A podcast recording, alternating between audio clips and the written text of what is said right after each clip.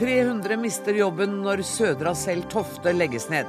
Men flere tusen arbeidsplasser kan gå med i dragsuget. Regjeringen har over lang tid sviktet næringa, sier FrPs Ketil Solvik-Olsen. USAs overvåking er, er verdenshistoriens største invasjon av privatlivet. Det sier advokat Vidar Strømme.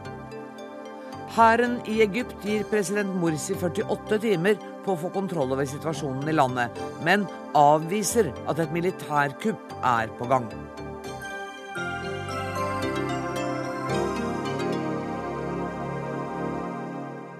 Dette er mandagens Dagsnytt 18, der vi også skal møte Helga Hernes, som er stemmen i en ny bok om statsfeminismen, blant annet. Men først skal vi til Tofte. I dag fikk de 295 ansatte på Tofte den tunge beskjeden fra eierne Södra selv. Cellulosefabrikken på Hurum legges ned. De svenske eierne har i en tid forsøkt å selge fabrikken, men sa på et allmøte i dag at budene de har fått inn, har vært lavere enn verdiene på fabrikkområdet. Jostein Sjåvåg, du er tillitsvalgt og klubbleder på Tofte. Eh, hvordan reagerte dere i dag? Nei, Det var med sjokk og vantro. Vi har hatt tro på salgsprosessen. Og ja, det ble en overraskelse å få denne beskjeden i dag. Men helt uforberedt kan dere vel ikke ha vært? Helt uforberedt var vi ikke. De ga tross alt beskjed om denne nedleggelsesmuligheten 19.3, hvor man sendte inn brev til fylket ifølge omstillingsloven. Så det har vært riset bak speil i salgsprosessen. Hva mener de ansatte om regjeringens innsats for å redde Tofte? Ja, den er det vel litt delte meninger på. Hva syns du? Ja, jeg ser jo at uh, man har jo vært på banen forholdsvis fort med å komme på plass med noen tiltakspakker. Men samtidig så ser vi også de investerer i Skjermak og den biten der. Vi har litt vanskelig for å se forskjellen hvorfor man ikke kunne satse på Tofte òg. Og nå er det virkelig kroken på døra. Du ser ikke noe håp nå om at det kan reddes?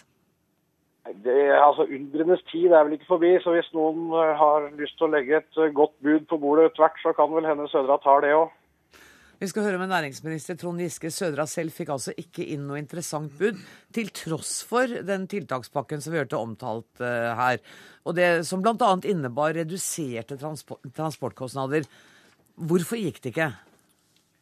Nei, Det Sødra sjøl sier, er jo at budene ikke var høye nok. Det Eh, er jo deres vurdering, det er den private eiendomsretten. Men jeg er veldig skuffa over det. Det var seriøse budgivere på banen. Blant annet eh, ser vi jo at eh, skogeierne sjøl var interessert.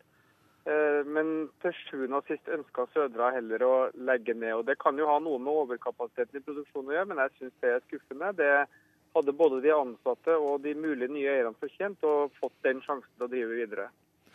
Den tiltakspakken for treforedlingsindustrien innebar vel også 500 millioner kroner til det statlige investeringsselskapet Investinor.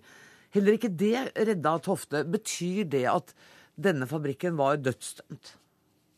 Nei, det var jo eh, helt seriøse aktører som ønska å kjøpe fabrikken og drive videre. Ifølge mediene noen med norsk tømmer, andre med utenlandsk tømmer. Men Sødra mente at de ikke fikk god nok pris.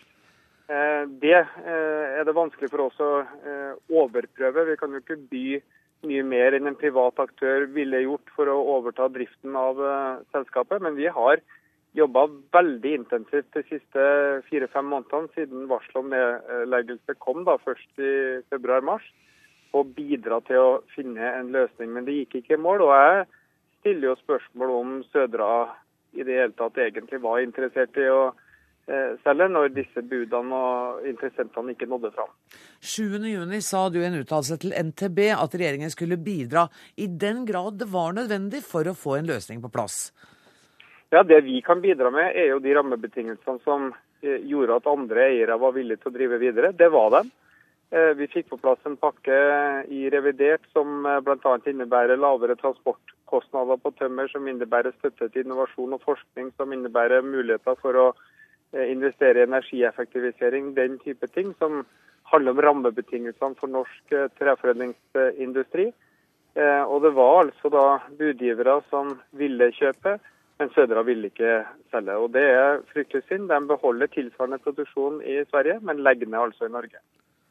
Vi har selvfølgelig invitert ledelsen i eh, fabrikken også, men de hadde ikke anledning til å komme hit i dag. Administrerende direktør Gudbrand Kål i Norges Skogeierforbund.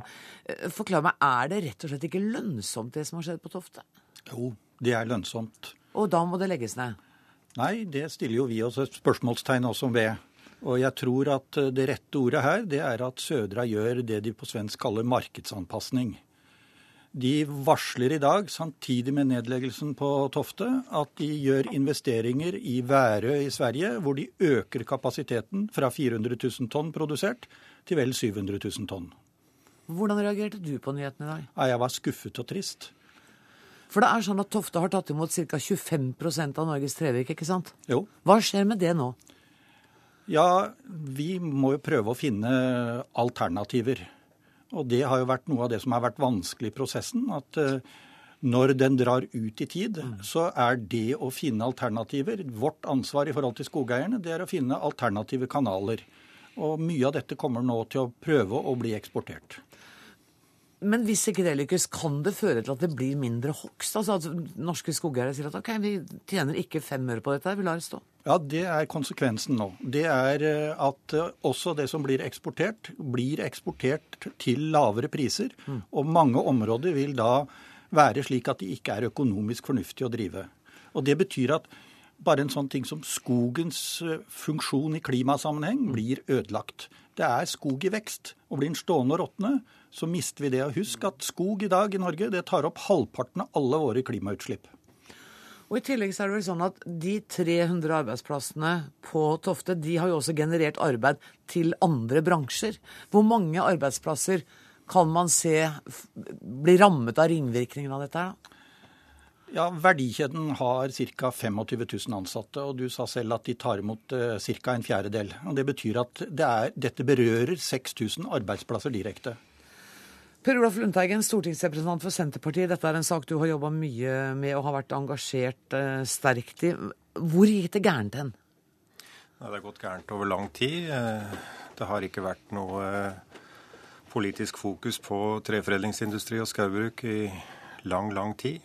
Og næringa har heller ikke sjøl greid å komme opp med troverdige alternativ. Mens den i skipsfarten tenkte stort og greide å skape allianser mellom eh, skipsverftene, eh, sjøfolka og eierne, så har den i skaubruk og treforedlingsindustri ikke klart det samme. Sånn at nå er vi da i en eh, utrolig vanskelig situasjon hvor en er nødt til å vise politisk handlekraft. Har det vært gjort? Nei, det har ikke vært gjort. Jeg har sagt det hele tida. Fått mye kjeft for at jeg har sagt det som det er. Jeg, så jeg er ikke overraska over det som skjer. For lønnsomheten er altfor svak. Det er lønnsomt, men det er for svakt. Og samtidig så skal vi klare over at det, Tofte det er én av to fabrikker i Norge som koker tømmer. Og det å koke tømmer, det heter på fint bioraffineri. Og bioraffineriet, det er alternativet til oljeraffineriet. Og gjennom et bioraffineri så kan du altså skape alle de produktene som du får ifra olje og gass. Sånn at her snakker vi om det grønne karbonet som kan erstatte det andre svarte. Men det må ha lønnsomhet. Og da må du ha nye rammebetingelser. Og rammebetingelsene må gå både på det som skjer i skauen og det som går på industrisida. Og jeg har jo da tatt til orde for at vi må bruke CO2-avgift fra olje og gass og stimulere da produksjonen av det her grønne karbonet. Og så må staten være villig til å sette inn investeringskapital for å omstille bedriftene. Så det som er kjernen nå Martin Kolberg har sagt det, og Martin Kolberg er i denne saken min gode venn, at uh, Tofte er grunnmuren innenfor norsk treforedling. Så det er ikke snakk om å legge ned den fabrikken, har Martin sagt, og jeg er enig med han. Så nå må regjeringa vise handlekraft og etablere da en ny forståelse for å få opp et nytt kjøpergruppering som kan drive det her som spydspissen i det framtidige norske treforedlingskonsernet. Jeg har en usedvanlig tålmodig Ketil Solvik-Olsen sitter Du må være tålmodig litt til, for jeg må eh, spørre Trond Giske om de nå er klare til å vise den handlekrafta som Lundteigen etterspør. Vi skal bruke absolutt alle de virkemidlene vi har, men vi kan ikke kjøpe uh, Tofte for en mye høyere pris enn en privat uh, eier vil investere i. Det har vi rett og slett ikke lov og anledning til etter uh, statsstøtteregelverket. Giske, det har, du, det, det har du allerede ja, vi, sagt. Ja, vi må gjøre sånn som uh, vi f.eks. har fått til på Borregaard i Østfold.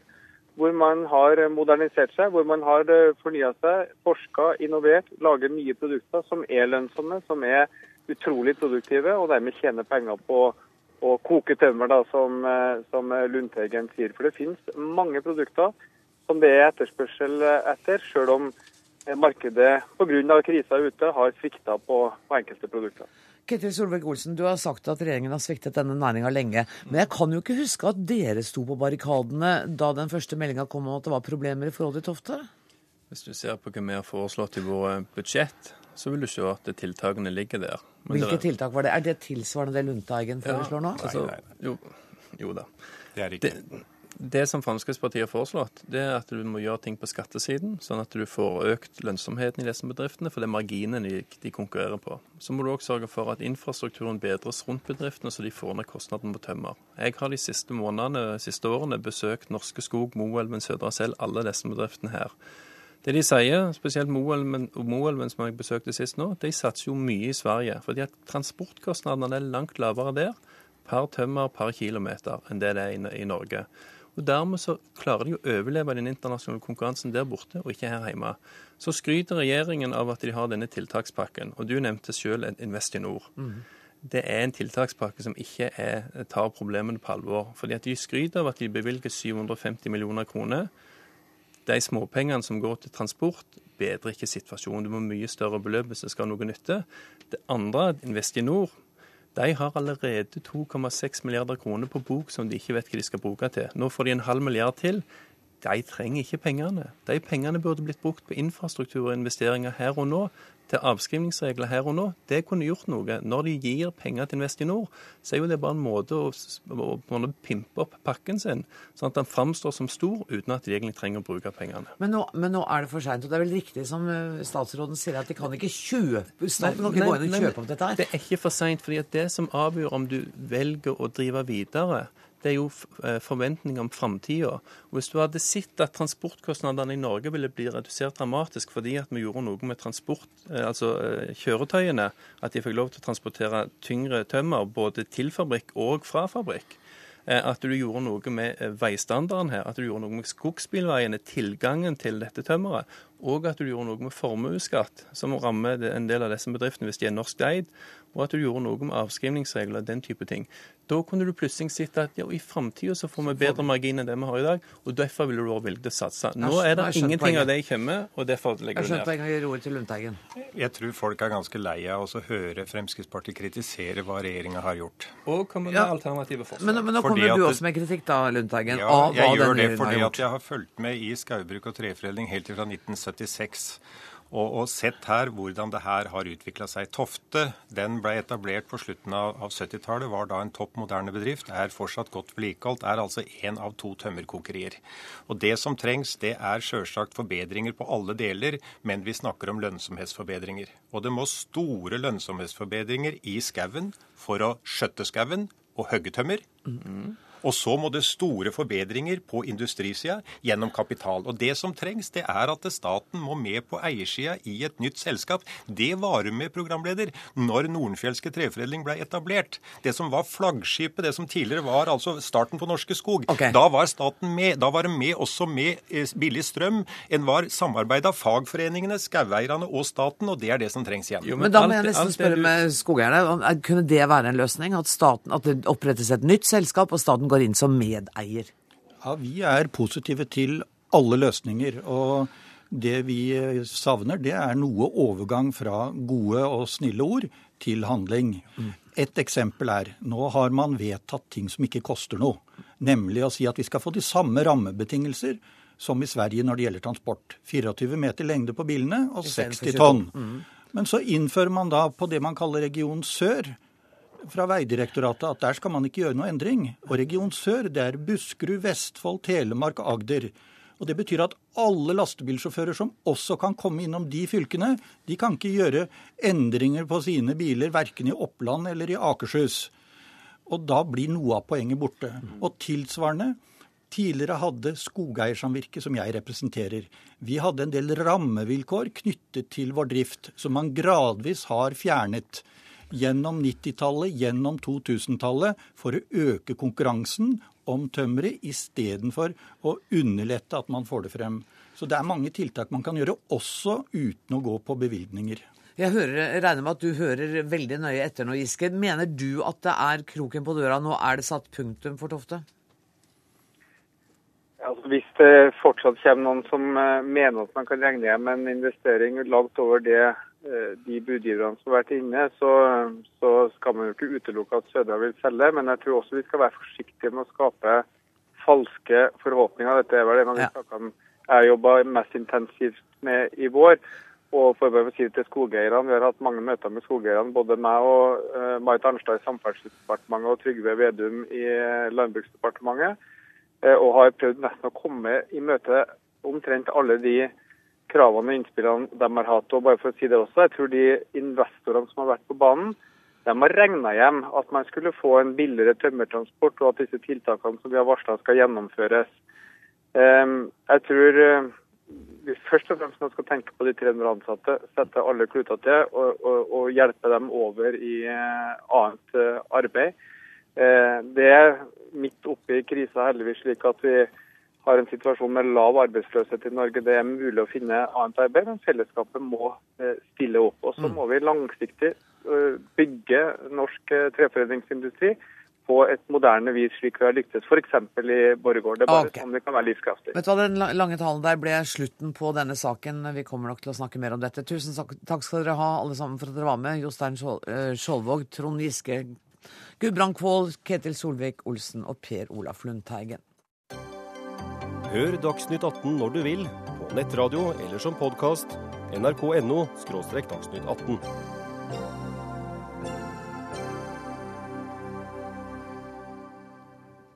Tyskerne er i sjokk over omfanget av amerikanernes overvåking. I går kom det nye avsløringer om at bl.a. europeiske ambassader og EU-kontorer har vært overvåket. USA-korrespondent Anders Tvegård, dersom disse opplysningene stemmer, handler dette om mer enn overvåking av terrorister, ekstremister og andre kriminelle. De overvåker jo da politiske interessante mennesker. Ja, Her eh, holder de også helt tett om, om, detaljene og sier at land som spør eller klager, de kommer til å få svar, men det er gjennom private samtaler og diplomatiske kanaler. President Obama, som er i, i Afrika nå, han forsvarte uh, overvåkingen og programmet og, og, og sa at det driver også alle de andre allierte mot oss, USA. I Tyskland er jo reaksjonene ekstra sterke, ikke uten grunn. Tyskland har vært i samme overvåkingskategori som Kina, Saudi-Arabia og Iran, og ikke kategorien som andre USA-allierte som Storbritannia og Canada. Hva er det amerikanerne ser etter oss tyskerne, tror du? Altså, tidligere etterretningssjef eh, general Michael Hayden han er en av de få som har eh, snakket om, om, programmet. og Han sier at Tyskland ikke skal føle seg spesielt eh, truffet, fordi internett er globalt. og Dette er et program som skal hindre terrorplaner. Det er ikke industrispionasje, som vi, som vi vet om i dag. Og så sier han at folk som er opprørt, de burde heller finne ut av hvordan myndighetene overvåker landets egne innbyggere. Hvor god kontroll har amerikanske politikere over NSA og andre som driver med overvåking?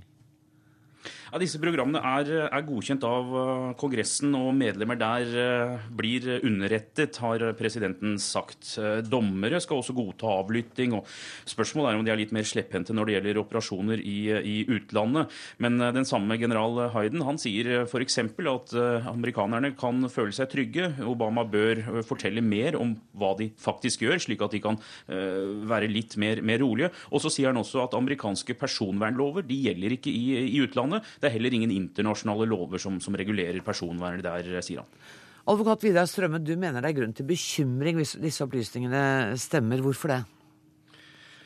For det første fordi at volumet er så voldsomt. Eh, eh, både teletrafikk, eh, Google, Facebook osv. Og, så og så vidt som jeg har sett inn i disse rapportene som, som, som er blitt lekket, så, så, har man altså registrert datasett nummer 1000 milliarder eh, i forbindelse med, med, teletrafikk. Og jeg mener at det sier seg selv at det er ikke mulig å ha en fornuftig kontroll på, på hva som skal undersøkes. Og dette er masseovervåkning av, av folk flest. Noe, noe helt nytt. I en artikkel i Dagens Næringsliv så skriver du at overvåk overvåking i den gode saks tjeneste, det er en reell trussel mot mellommenneskelig tillit.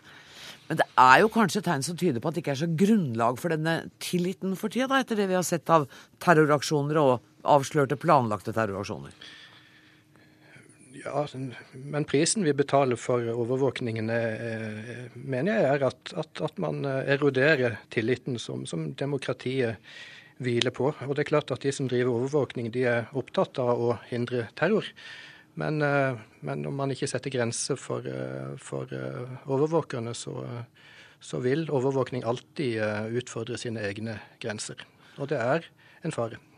Statssekretær i Justisdepartementet Pål Lønseth, du har tidligere uttalt at dere har ingen grunn til å tvile på det amerikanske myndigheter sier, og at denne overvåkingen er under kontroll.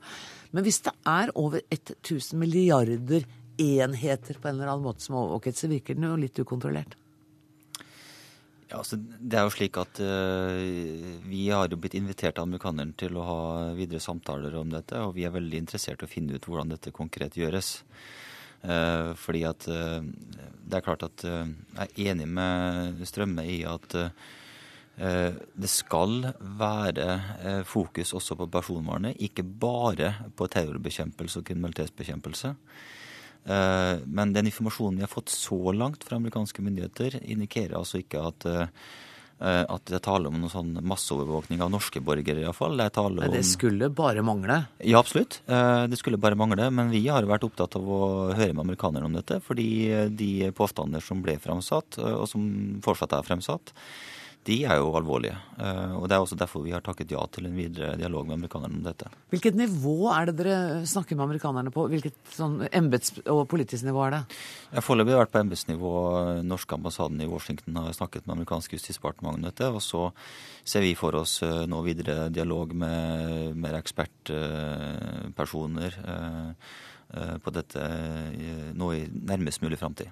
Helt hypotetisk, hvis det skulle vise seg at amerikanere har gått utover det som er rimelig og juridisk, vil Norge reagere kraftig da?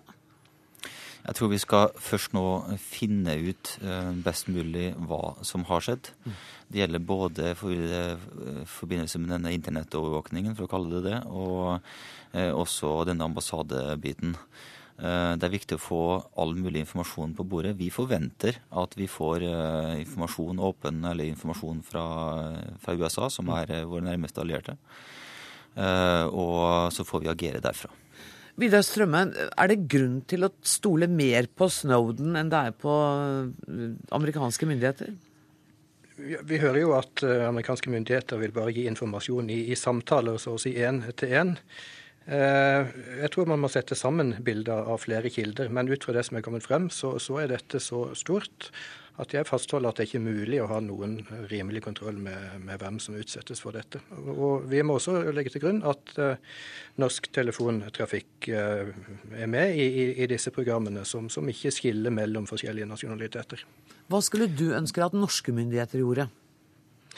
Jeg skulle ønske at uh, norske myndigheter var litt mer uh, harde i klypa enn å bare spørre pent om uh, USA følger sine egne regler.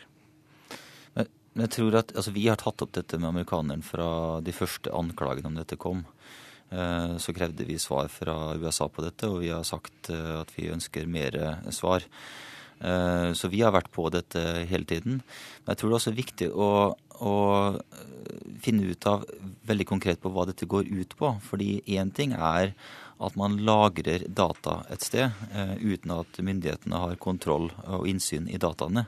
De lagres altså et sted, og så kan da myndighetene eh, få innsyn eh, etter en konkret mistankegrunnlag basert på avgjørelse fra en dommer.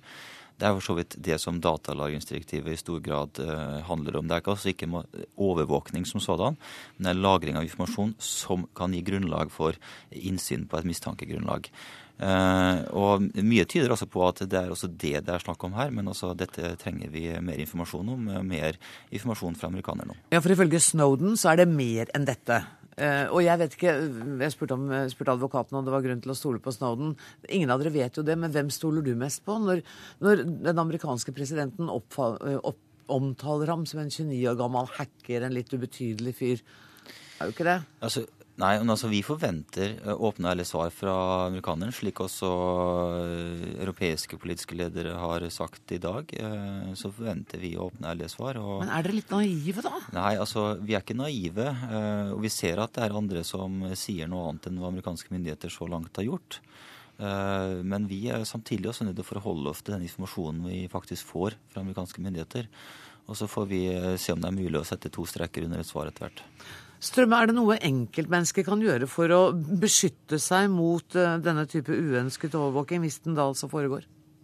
Dessverre så er jo det mest nærliggende å eh, kommunisere mindre. Eh, jeg vet f.eks. at journalister i, flere medier er, har blitt mer bekymret for, for hva slags kontakt man har med kildene sine. Og det er det vi kaller en, en chilling-effekt, altså at man blir mer forsiktig med å uttale seg. Det, det er veldig, veldig farlig for et demokrati.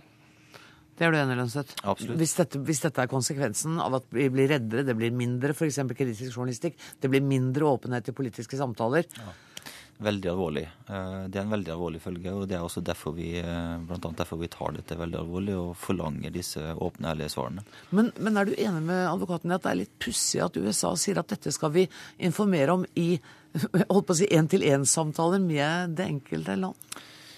Jeg tror, jeg tror man skal Hvis man ser det fra, fra amerikansk synsvinkel, så er det klart at de har jo også selvfølgelig behov for å drive overvåkning i utlandet. Eh, og de har behov for å ikke gå i detalj i offentligheten om hva som skjer. Uh, det er uh, høyst forståelig.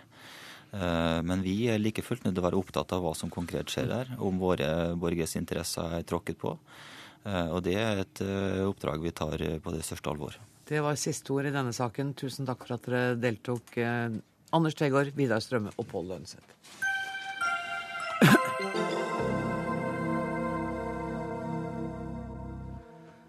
I dag ble Kroatia det 28. medlem av EU, nesten 22 år etter løsrivelsen fra Jugoslavia. Kroatia blir nå det første landet som blir med i unionen siden 2007. Ivan Poljak, du, er, du var Kroatias første offisielle representant i Norge, og du fulgte feiringen av EU-medlemskapet i natt. Hva betyr dette for Kroatia? Ja, jeg sitter veldig mange i Kroatia som, uh, som har uttalt seg i natt. Uh, en drøm har gått i oppfyllelse for Kroatia. Av å være en del, uh, eller for å si det rett, komme tilbake til den europeiske familien. Det tror jeg det er rett uttrykk. Det betyr veldig mye for oss. Av vi har alltid følt oss som en uh, sentraleuropeisk land med vestlig interesse, kultur og bakgrunn og alt sånt. Så til tross for at EU er i økonomisk dyp krise, så velger kroaterne å se dette som en tilhørighetsbeslutning. Ja, absolutt. Men eh, jeg vil gjerne se, se dette litt mer globalt. eh, eh, ikke bare økonomisk, men for det første så det betyr veldig mye for uh, nordatlantisk eh, linje hele veien. ikke sant? På grunn av alle land som har kommet innenfor EU, de har vært også medlem, måtte bli medlem av eh, Nato. Og det betyr veldig mye for oss, akkurat den uh, uh, sikkerhetspolitiske spørsmålet, for å si det rett ut. da. Og dermed spilte han ballen over til deg, Kate Hansen Bundt. Du er generalsekretær i Den norske atlanterhavskomité. Hvordan vil et EU-medlemskap kunne påvirke Kroatia? Jeg tror nok jeg vil først få lov å gratulere min sidemann her eh, med en vellykket medlemskapsavslutning. Eh, Det vil nok rent psykologisk føre til at man føler seg mer forankret i det demokratiske, rettsstatlige, stabile Europa, som jo EU står for. Samtidig så må jeg bare si, for jeg så på fjernsynet en reportasje hvor Kroatia har- har jo vært nødt til å innordre seg en del regler, ta noen ganske harde grep, som har vært veldig tunge økonomisk for en del bedrifter, f.eks. Det har det. eh, For med EU-medlemskapet i hele tilpasningsperioden så er det økonomiske kriterier man må oppfylle. Man må kunne vise til at man har en stabil, velfungerende markedsøkonomi. Man har måttet privatisere skipsverftene sine. Eh, Man har også økonomisk sett så blir Kroatia jo en yttergrense mot handelspartnere på Balkan, Serbia og Bosnia-Hercegovina. Så det er jo ikke sånn at vi regner eh, euro nedover hodet på kroatene bare fordi de blir medlem av EU. Og det er heller ikke sånn at arbeidsledigheten vil synke drastisk fordi de er medlem? Neppe. Fordi Kroatia deler veldig mange av de andre økonomiske og strukturelle svakhetene som en del av de søreuropeiske landene har. Høy arbeidsledighet eh, trenger fortsatt eh, strukturelle endringer å og, og tilpasse sin økonomi til en sterkt konkurranseutsatt eh, økonomi internt i Og likevel er du entusiast. Ville det ha gått dårligere med Kroatia utenfor EU, tenker du? Jeg er ikke kroat. Jeg må jo få lov å Ja, men hvordan vurderer du det? dem hjertelig velkommen inn i et fellesskap de har ønsket medlemskap i. Ja. Og jeg tenker sånn eh, 18-20 år tilbake så var det krig som herjet på Balkan. Og det er klart i det perspektivet eh, så er forsoningsprosessen internt i EU eh, mellom eh, landene også i Sør-Europa og på Balkan veldig viktig og markerer på mange måter en ny begynnelse for Kroatia. Men at mange er skeptiske til hva dette vil bety økonomisk og på andre måter, det er helt naturlig. Men Ivan Poljak, er det stor konsensus i Kroatia om dette medlemskapet? Ja, absolutt. Mm. Det var jo 64% som stemte for medlemskapet. medlemskapet. Men eh, tatt i betraktning at eh, den har sunket noe pga. lang eh, forhandlingstid. På det tok jo nesten ti år før eh, Kroatia fikk eh, medlemskap. da. Men som det har blitt nevnt her, det, det betyr jo veldig mye når man går tilbake for 20-21 år siden. ikke sant? Eh, Da var Kroatia ja, en tredjedel var okkupert av eh, serbiske styrker. Det var jo 500 000 flyktninger i Kroatia. Eh, man kunne ikke reise landet pga. det var nesten delt i to. Eh, da skulle jeg reise det gamle eh, hjemmestedet mitt, så måtte jeg gå rundt ungarske grensen. Istedenfor to timer så brukte jeg seks timer for å komme dit. Og det, eh, flyplassen i Zagreb var stengt. Så når man tenker på noe sånt, så det, det er klart at det er jo enormt vi har jo bak oss som, eh, som er positivt. Og det er det eh, de fleste de har brukt nettopp det positive energi, hva medlemskapet betyr også. Og jeg vil gjerne tilføye at det betyr ikke bare for Kroatia, men det betyr også for områden, landene i områden. Mm. Kroatia, Kroatia kommer å spille en viktig rolle for eh, Så det vil spille en rolle også for Serbia, f.eks.? Absolutt, for å være en slags lokomotiv og vise frem at det, det lønner seg liksom, lønner seg å få alle disse demokratiske spilleregler på plass. Vi har også med oss Janus Janos Herman. Eh, You're the EU ambassador to Norway. Welcome. Um, Thank you very uh, my other two guests have spoken very warmly about the, the Croatian membership of the EU. Do you share their enthusiasm? Yes, I do. Yes, Why? I, do. I think it's uh, it's a great day for Croatia, but it's also a great day for the European Union. Why is that? Uh, the, the enlargement as such, I think, is one of the most important contributions of the European Union to peace and prosperity in, in Europe. And this was I saw also recognized in Norway by important institutions, including the Norwegian uh, Nobel Peace uh, uh, Prize uh, Committee. And eh, the, the decision about admitting Croatia as the 28th member of the European Union will provide additional opportunities for Croatia, but also to the other 27 members of the EU. A bigger European Union, we, we are sure, is also a stronger uh, European Union. And it's So it going to expand even more, isn't it? Because you are uh, in dialogue with other countries. And the enlargement will continue. Uh, mm, this is also recent news that uh, the heads of state and government of the European Union uh, decided to start accession negotiations uh, with Serbia at the latest in January. And I'm sure that the process uh, will continue. There are countries um, wishing to join the European Union, and the EU is also committed to, to have its, their, its doors open. But why does it have to take so long, the negotiations? Nearly 10 years for Croatia. Can Serbia expect a shorter negotiation period? Well, I, I, I don't know how many years will it take for, for, for Serbia, but uh, I think that the conditions for uh, Serbia will not be easier But than the conditions were for. Croatia. Uh, it is to a certain extent bureaucratic. It is unavoidable, but uh, Uh, When you join the European Union today, you, you join a highly complex integration framework. And I think it is the responsibility both for the countries which are inside, but also of the countries who want to join, to prepare the country for uh, membership. Because if a country that is not prepared joins the European Union, uh, then uh, that might be a source of difficulties for everybody. So you agree it is a joyful day for uh, Croatia. Uh, Mr. Janice Herman, Ambassador, um, you're now leaving Norway after your period as EU, EU Ambassador. Yes. Um, how could you sum up in, let's say, 20 seconds? well, no, I know you can't, but Yes. yeah, what would you say when you? Uh, after the joy related to Croatia, I will speak about the sadness of leaving Norway. I think that these were four years that were very much influenced by the discussions about the uh, the EEA agreement, the everyday implementation of the agreement, and a bit of reflection about the future of the EEA agreement. And that was very much the task of uh, the EU delegation here in Oslo and of myself personally to contribute to this discussion. Then we had uh, uh, I, I, I think uh, very important progress in establishing uh, uh, the EU's presence in the world through the creation of the European External Action Service.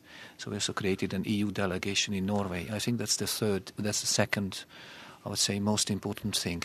The third um, uh, could be to manage the EU's image and cooperation in Norway in these years of crisis. This is certainly a new situation, the financial crisis, and this, I think, uh, required also new thinking on how to develop further cooperation. Yeah, exactly. And I would like to mention, I cannot but mention that that decision to, to award the European Union the, the Peace Prize.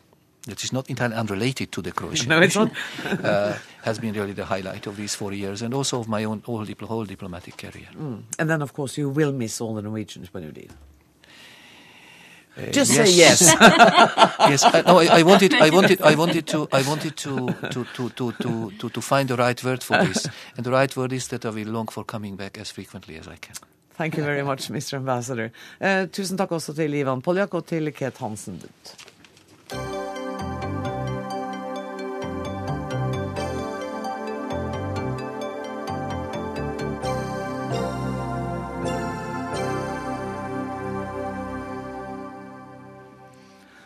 Ketil Solvik-Olsen har sin ettermiddag i Dagsnytt 18 i dag, og det er vi glad for. Nå skal det nemlig snakke om, vi skal snakke om eh, norsk innenrikspolitikk.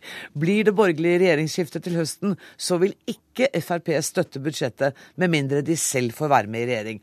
Dette åpner i verste fall for fire nye Stoltenberg-år, sier Venstre og kaller FrPs ultimatum for uklokt. Um, jeg må gå til deg først, Solvik-Olsen. Hva var det dere ville oppnå med det ultimatumet?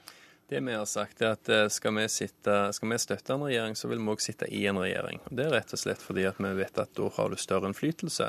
Vi støtta Bondevik-regjeringen når de ble innsatt, men det tok ikke lange tida før Bondevik like mye forhandla med Arbeiderpartiet og SV som de forhandla med Fremskrittspartiet.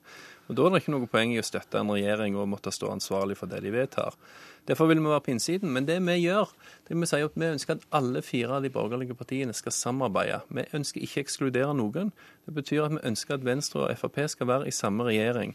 Jeg syns det er urimelig hvis Venstre forventer at vi skal støtte en regjering der vi ikke får være med. Eh, Det er ingen som stiller det spørsmålet til Høyre, f.eks. Vil Høyre støtte en regjering de ikke er en del av? Her må vi sette oss ned, alle fire, bli enige om at vi skal forhandle.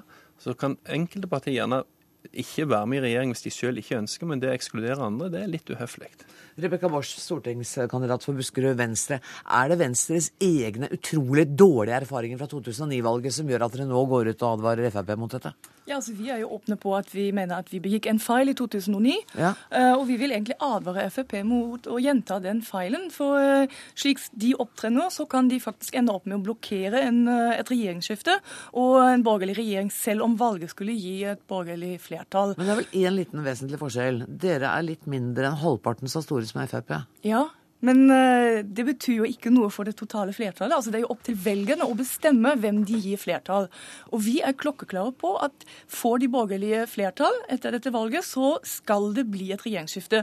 Og nå er Frp det eneste partiet på borgerlig side som sier at de ikke garanterer dette.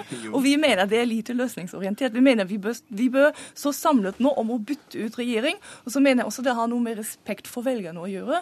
At du avventer til etter valget hvem som får flertall, og at man avventer eventuelle regjeringsforhandlinger før man konkluderer med noe. Så vi mener at ultimatum er uklokt. Jo, men Dette er jo ikke et ultimatum sånn sett. Altså Det som Venstre gjorde i 2009, det var jo å si at de ville garantert ikke sitte i en regjering med Frp. Det var uklokt, og det skapte en diskusjon på borgerlig side som ikke var bra. Og Den del tok òg vi i, så vi har en del av ansvaret der, for all mm, del. Mm. Men det er ikke det vi sier nå. Vi sier ikke at Venstre ikke skal få en del av en regjering der Frp er med. Tvert imot. Vi sier at alle fire bør sette seg ned men det vi ikke vil akseptere, det er at vi skal gi våre stemmer til en regjering som vi ikke ønsker, som var på innsiden av. Da kommer vi til å forholde oss til den som til en hvilken som helst annen regjering. Derfor hadde det vært veldig bra hvis alle de fire borgerlige partiene kunne satt seg ned i dag og sagt at vi ønsker å samarbeide ja, sammen. Det har du sagt. Ja, men, men, men, har ikke. Borch et poeng da, når, at, når dere sier at dere vil ikke være med å støtte hvis dere ikke er med i regjeringen, så gjør dere det regjeringsalternativet noe mer vaklevondt? Jo, men vi, vi, sier jo at alle bør få lov til å være med i det. Ja, det men venn... hvis de ikke får det, da? Hvis dere ikke får det med? Ja, men ja, nettopp, Hvis de andre ekskluderer oss, ja. skal vi fortsatt tvinge oss til å gi men, våre stemmer. Altså, det er jo ikke oss som ekskluderer noen på forhånd her, det er bare Nei. Frp som ekskluderer seg selv ved å stille et sånt ultimatum. Jeg mener jo at man først og fremst bør lytte til velgerne. Og vi har fått et par meningsmålinger som viser at et blå-grønt regjeringsalternativ med Høyre, KrF og Venstre er faktisk noe et flertall foretrekker når de blir spurt, framfor en mørkeblå regjering med Høyre og og eh, Frp. Det er nå det ene. Det andre er hva velgerne faktisk kommer til å stemme. Ja. Og Jeg mener at det bare er rimelig at vi avventer det, og at vi er åpne på at vi skal snakke med alle sammen. Ja. Men at man på forhånd ekskluderer ett av de mest sannsynlige alternativene, syns vi er uklokt. For det er akkurat som du sier, det gjør borgerlig regjeringsskifte mindre sannsynlig, eller litt mer ja, Jeg sa ikke det, sa bare at det var litt vakkert. Ja. Men altså, jeg klarer ikke å forstå logikken her. fordi at Fremskrittspartiet har sagt at vi ønsker å få en ny regjering. Vi vil at alle fire skal sette seg ned. Og vi ønsker ikke å ekskludere noen. Men det vi bare sier det som er rent sunn fornuft, og det er jeg sikker på òg Høyre mener på vegne av seg sjøl, at hvis de ikke får være med i denne regjeringen, så vil ikke de garantere at de støtter den. Altså Erna Solberg, Jeg skal garantere deg at Erna Solberg kommer ikke til å støtte en sentrumsregjering hvis det blir borgerlig flertall. Eh, eh, Erna Solberg kommer ikke til å støtte en ren Frp-regjering hvis det blir borgerlig flertall. Erna Solberg kommer til å kreve at hun òg er en del av den. Derfor gjør vi det. Det samme kan Venstre og KrF. Og da er det opp til oss at ingen skal ekskludere hverandre.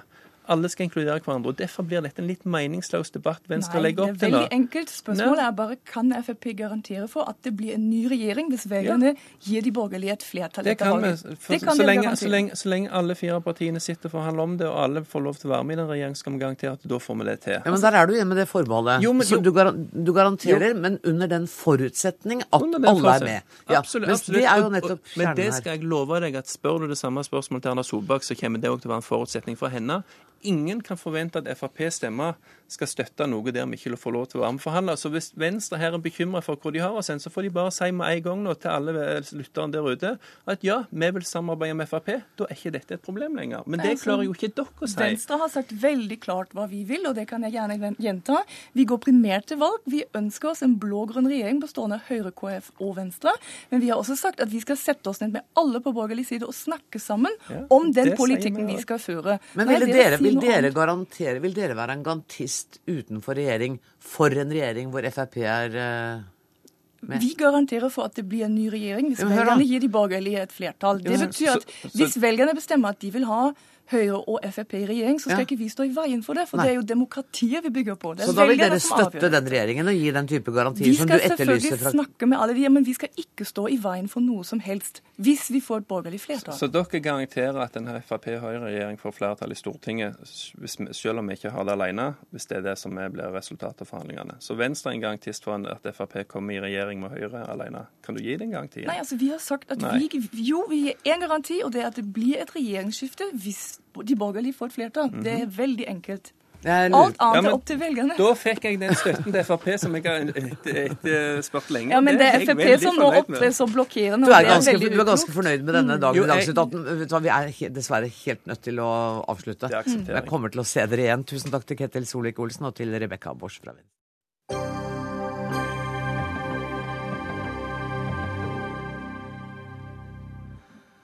I Egypt øker konflikten mellom president Morsi og millioner av demonstranter. 17 mennesker er drept og 800 skadd det siste døgnet. Og i dag stormet sinte demonstranter hovedkvarteret til Det muslimske brorskap og satte fyr på det.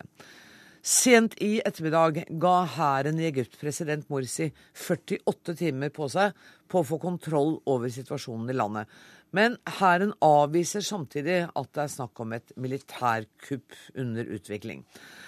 Amal Wahab, du er tidligere korrespondent i Egypt for Klassekampen og skal reise dit igjen på, i overmorgen.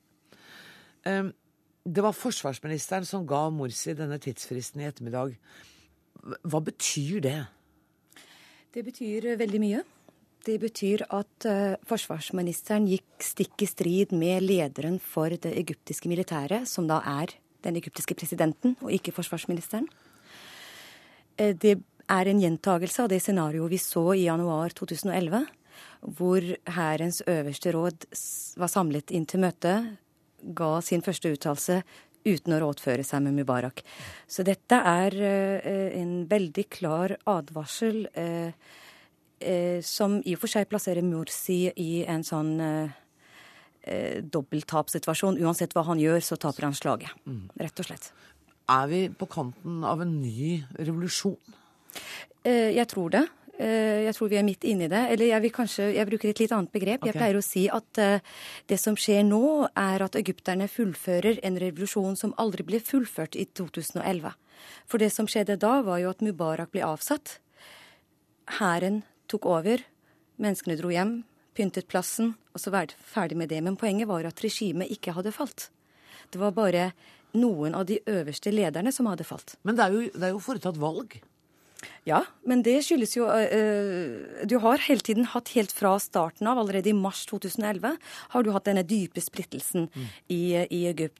Hvor du hadde uh, de fleste, og jeg sier alltid de fleste islamistene, for du, du vil alltid ha både islamister og sivile krefter i hver av båsene her. Men islamistene gikk inn for en revidering av den daværende grunnloven, mm. mens de revolusjonære kreftene og de sivile kreftene ønsket seg en helt ny grunnlov som var tilpasset en postrevolusjonær periode. Og allerede da begynte den splittelsen og den kjøpeslåinga mellom brorskapet og hæren. Og du fikk en situasjon hvor samfunnet begynte å bli polarisert. Eh, Bjørn Olav eh, Utvik, eh, du er professor i Midtøsten-studiet ved Universitetet i Oslo. Denne voldsomme frustrasjonen som vi ser hos millioner av egyptere nå, skyldes den bare at man er uenige om den nye grunnloven og disse valglovene, eller ligger det mye dypere? Jeg tror det er sammensatt. Det skyldes naturligvis at Egypt er ridd av en rekke problemer som var der før revolusjonen, og som fortsatt er der. Mm. En veldig utbredt fattigdom, store problemer i den økonomiske utviklinga. Mangel på elektrisitet, mangel på, på, gass som de bruker til å, stort sett til, til fyring. Eh, og eh, et politi som er korrupt, ineffektivt når de burde være effektive, eh, og brutale. Eh, eh, og man har opplevd at dette ikke har forandra seg noe særlig. Brorskapet, altså den første sivile regjeringa som har vært nå i et år, har ikke klart å gjøre noe med det. Og så er det at brorskapet, eh, etter hvert som de begynte å få kritikk, ikke har klart å møte det på noen måte som eh, har framstått som at de var troverdig villige til å inkludere andre og samarbeide med andre. Det har framstått som mer og mer egenrådige. Og, og litt nepotisme inni dette her også? Ja, selv om jeg tror det blekner fullstendig i forhold til hva det gamle regimet var. Men, men, men forventningene var vel så skyhøye også til at nå skulle det ryddes opp i alle ledd, og så skjer ikke det? Forventningene var skyhøye. Men jeg er nok litt mer bekymra i forhold til dette om, om, hvorvidt at dette er en revolusjon som fullfører endringen av regimet. For hvis vi ser på kjernen i det gamle regimet til Mubarak, hæren, den er åpenbart her, den er nå tilbake liksom, i den samme rollen. like Eh, like mektig som, eh, som før. Og så er det politi, innenriksministeriet, som vil si det er de som har kontrollen over politistyrkene. Eh, som, som, nå i denne situasjonen her altså De har eh, ikke vært villige til å De, var, de forsvarte ikke brorskapets eh, hovedkvarter, eh, f.eks. Det er helt åpenbart sterke krefter i innenriksministeriet som nå ser dette er en sjanse for oss til å komme på, på offensiven igjen. Så jeg er litt bekymra for hvorvidt dette nå betyr at man kommer lenger med revolusjonens krav. Og, og da kommer vi kanskje til å se en, en voldsspiral som eskalerer også? Kommer det til å bli mer vold de nærmeste dagene? Ja, jeg tror det kommer til å bli mer vold, men jeg vil eh, bare kommentere litt Ja. eh, på, eh, på det som blir sagt her. Og, og det er For det første så var det jo selvfølgelig skyhøye forventninger. Men så har du også hatt en eh, gruppe, eh, eller en bevegelse, som har gitt seg ut for å være mer gudfryktige. Og, og på en eller annen vis faktisk er blitt trodd på det. De har hatt en parole som sier 'islam er løsningen'. Og så har du da, den dagen de fikk makten, faktisk vist at dette er en ganske tom parole. Eh, folk har ønsket seg en sosial eh, fordeling av godene, eh, sosial rettferdighet, likeverd, og så har de faktisk fått noe helt annet, en nyliberal økonomisk politikk, hvor de fattige i og for seg bare skal få almissene fra de rike, så skal alt bli så bra. Så det er en ting. Det andre er dette med hæren, og det er helt sant, det var jo det jeg sa. Altså, regimet ble aldri Den falt aldri. Sånn at du har tre grupper nå. Du har islamistene. Og du har eh, de revolusjonære kreftene, som fortsatt er imot eh, hæren og hærens ledelse. Og så har du de kontrarevolusjonære, eller de som alltid har vært Mubarak-tro. Dette er et puslespill og en kamp om makten eh, i tiden som kommer. Ikke minst en kamp om islams Hvem det er som skal ha definisjonsmakten, og hvorvidt man skal styres i Guds navn. Og det virker uoversiktlig, Utvik. Og- Men denne fristen på 48 timer som Morsi nå har fått fra Hæren på å skape orden, er det mulig? Nei, altså han har fått han, eh, Forsvarsministeren har gitt en frist til eh, hele det politiske landskapet til å klare å bli enige.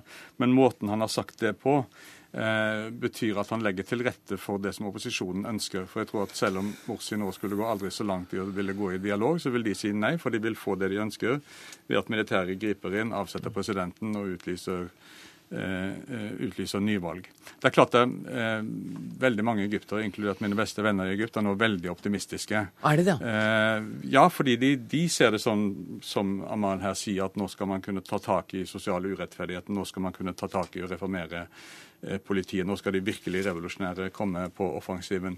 Eh, ulempe, og jeg håper inderlig at de har rett. eh, ulempen er at den opposisjonen som har klart å felle eh, Morsi, hvis de nå klarer det, er veldig veldig sammensatt. Eh, og ikke har framlagt noen klar agenda for hvordan de faktisk skal løse de økonomiske problemene eller politireform eller noe annet. Og det kommer til å være spennende de neste dagene. Vet du, jeg, jeg håper, eh, Amal Wahab, at neste gang vi snakker sammen, så er det med deg på telefon fra Egypt eh, i Jeg- jeg Dagsnytt 18. få lov til å- En Veldig fort. avslutningskommentar. Mm. nemlig, jeg, er, jeg støtter for all del, jeg er veldig skeptisk til at hæren eh, er inne i det politiske bildet igjen. Og jeg ser det på ingen måte som en garanti mot et eh, mer demokratisk Egypt. Bare sånn at det ikke er, er misforstått. Tusen takk skal dere ha, Amal Wahab og Bjørn Olav Utvik.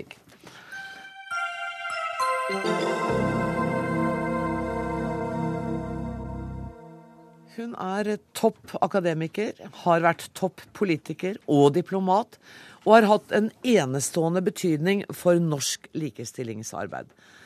Helga Hernes ble det naturlige valget for deg da du skulle skrive ditt bidrag til Aschehougs serie Stemmer i anledning stemmerettsjubileet, Inger Skjelsbekk. Du var aldri i tvil. Nei, det var et enkelt valg. Um, hva var det som, Da du første gang traff Helga Hernes, hva var det som gjorde at du ble grepet av hennes faglighet? Jeg vet ikke om jeg ble grepet første gang. Imponert, da. Imponert, ja. Nei, altså det har nok vokst litt frem over tid. Jeg tror ikke jeg visste helt, det er noe av det jeg prøver å beskrive i boken, jeg visste ikke helt hva slags fantastisk menneske jeg hadde fått som kollega på Institutt for fredsforskning. Og etter å bli kjent med henne og lese ting hun har skrevet, og lære mer om hva hun har betydd i norsk offentlig liv, men også hva den strategiske feministen hun er, hva det har betydd eh, for det internasjonale likestillingsarbeidet, det imponerte meg veldig. Og det har vokst frem over tid. Helga Hernes, er det deilig å høre sånne vakre ting bli sagt om seg? Det er ufattelig deilig. Og når man er gammel nok, så kan man ta imot. Ja, ikke sant. Eh, Vi I det korte innslaget vi har sammen her nå, så kan vi ikke snakke om alt. Men jeg tenkte at vi skulle se på noe som eh, er et hovedpoeng i, i boka di, nemlig vold mot kvinner i krig. Og det som ryster meg litt, er at det er så nylig at man egentlig har begynt å se på kvinner og kvinners situasjon som en viktig del av fredsforhandlingene. Ja. Hvorfor har ikke det skjedd for 50 år siden? Um, det har jo å gjøre med kvinners avmakt. Og det har faktisk å gjøre med at når kvinner kommer i besluttende organer, så klarer de til slutt også å sette dagsorden. Og det har å gjøre med en kvinnemobilisering som, som har skjedd i mange, mange land. Jeg trodde jo da jeg f.eks. skrev på 70-tallet og 80-tallet at dette var et særskandinavisk fenomen, men det var det jo ikke. Det, det, var jo noe som skjedde i mange andre land, og i dag skjer det jo faktisk over hele verden at kvinner mobiliserer. Og det er noe nytt. Og denne ufattelige kvinnevold vold mot kvinner som nå skjer i alle land eh, som en eh, krigsstrategi. Mm Eh, det er jo noe som, som Inger har, har, skrevet om, og som også FN selv nå oppleves er, er pinlig hvis de ikke forholder seg til det. Men det er ganske nytt at FN forholder seg til dette på ja, en ordentlig måte. Og det skjedde i det øyeblikket det ble klart at det var FN-troppene selv som utførte disse skrekkelige handlingene. Og det ble et sånn skamplett på FN at de måtte rett og slett, uansett hvor mannsdominert organisasjonen er, de måtte handle. Men samt, blir du ikke noen ganger, er dere to begge, litt mismodige? Fordi at det skjer jo så langsomt, de forbedringene. Det er flere år siden jeg var i Øst-Kongo og møtte kvinner der som var voldtatt på det grusomste, som en del av krigsstrategien. De blir det i dag òg. Ja, men allikevel så er det ufattelig mye internasjonal innsats i dag. Og jeg klarer faktisk ikke å bli uh, enten lammet eller ulykkelig, fordi jeg blir så inspirert. Når jeg sammen med mine uh, kollegaer, mine prio-kollegaer kan reise enten til New York eller til Afrika og treffe fantastiske kvinner fra hele verden som rett og slett bare stå på. Mm. Du, jo, du, sier jo i boken at du blir noen ganger kritisert fordi du er så positiv. Ja, riktig. Poliana blir jeg kalt. Poliana, ja, det er noen av oss som husker. Eh, og så skriver dere i, i boken eh, bl.a. om uh, den librianske nobelprisvinneren Leila Bowie og hennes innsats. Kan ikke du bare kort fortelle det dramatiske som skjedde da hun fikk fjernet politiet på en enkel måte? Jo, altså Lima Bowie var da en grasrotsaktivist og samlet eh, kristne og muslimer sammen for å be mot, altså i protest mot krigen i Liberia. Eh, og eh, på et tidspunkt så er det da fredsforhandlinger, og disse kvinnene som hadde mobilisert, reiste til Ghana, til hotellet hvor fredsforhandlingene pågikk og lenket seg fast utenfor. Eh, og eh, det varte og rakk. Det ble ikke noe fred. Mennene hadde det veldig godt på dette hotellet. Og så blir de truet med å bli kastet ut, og i det øyeblikket så går Lima Bowie frem og så sier hun hvis dere kaster oss ut, så kler jeg meg naken. Og da trodde politimannen at hun kom til å gjøre det, og turte ikke annet enn å la henne bli, og det ble en fredsavtale. Mm. Og etter hvert ble det også en fredspris for uh, henne. Mm. Uh, Helga Hernes er optimist fordi hun treffer så mange fantastiske kvinner. Har, har du lært deg å dele Helgas optimisme? Jeg tror kanskje det, ja. Eh, jeg tror kanskje også i forlengelsen av hva Helga sier, altså det hun jobbet mye med som har imponert meg, var jo å lage en allianse. Altså man trenger strategiske partnere for å endre verden. Eh, feministene trengte å alliere seg med staten for å få bedre, et bedre Norge, og det vet vi jo at vi har fått til i likestillingsøyemed. Så statsfeminisme er ikke noe skjellsord? Ikke hos meg. Eh, og sånn jobber jo også FN nå, at man ønsker Eller man driver med et påtrykk ovenfra. Så selv om ikke det alltid skjer så mye på bakken i Kongo for kvinner der, mm, for så er det, til forskjell fra hvordan det var for 15 år siden, så er det et betydelig påtrykk ovenfra for at noen må adressere disse spørsmålene. Noen må ta det opp. Er, menn og kvinner på toppnivå i politikken er pålagt å spørre om dette. Og det er en stor forandring. Inger Skjelsbekk er jo en av dem som da overtar eh, oppgaven fra deg, da? Ja, det gjør hun så absolutt. Og hun arbeider jo med områder som virkelig er dypt alvorlige. ikke mm. sant? Mm. Og vi er jo ikke i mål. Det kan jo fremdeles komme tilbakeslag når det gjelder eh, kvinne- og likestillingsarbeid. Absolutt. Du hadde jo nettopp et innslag fra Midtøsten nettopp. hvor det er ekstremt store tilbakeslag for alle kvinner. Boka heter 'Statsfeministen, statsfeminismen og verden utenfor'. Den foreligger i to eksemplarer. Det skal få hvert deres før dere går herfra. Jeg vet dere ikke har sett den enda. Tusen takk, Inger Skjelsbekk og Helga Hernes. Dermed er det slutt på dagens Dagsnytt 18. Ansvarlig, for sendinga i dag var Dag Dørum. Det tekniske ansvaret har Karl Johan Rimstad. Jeg heter Anne Grosvold. Vi høres igjen i morgen. Takk for nå.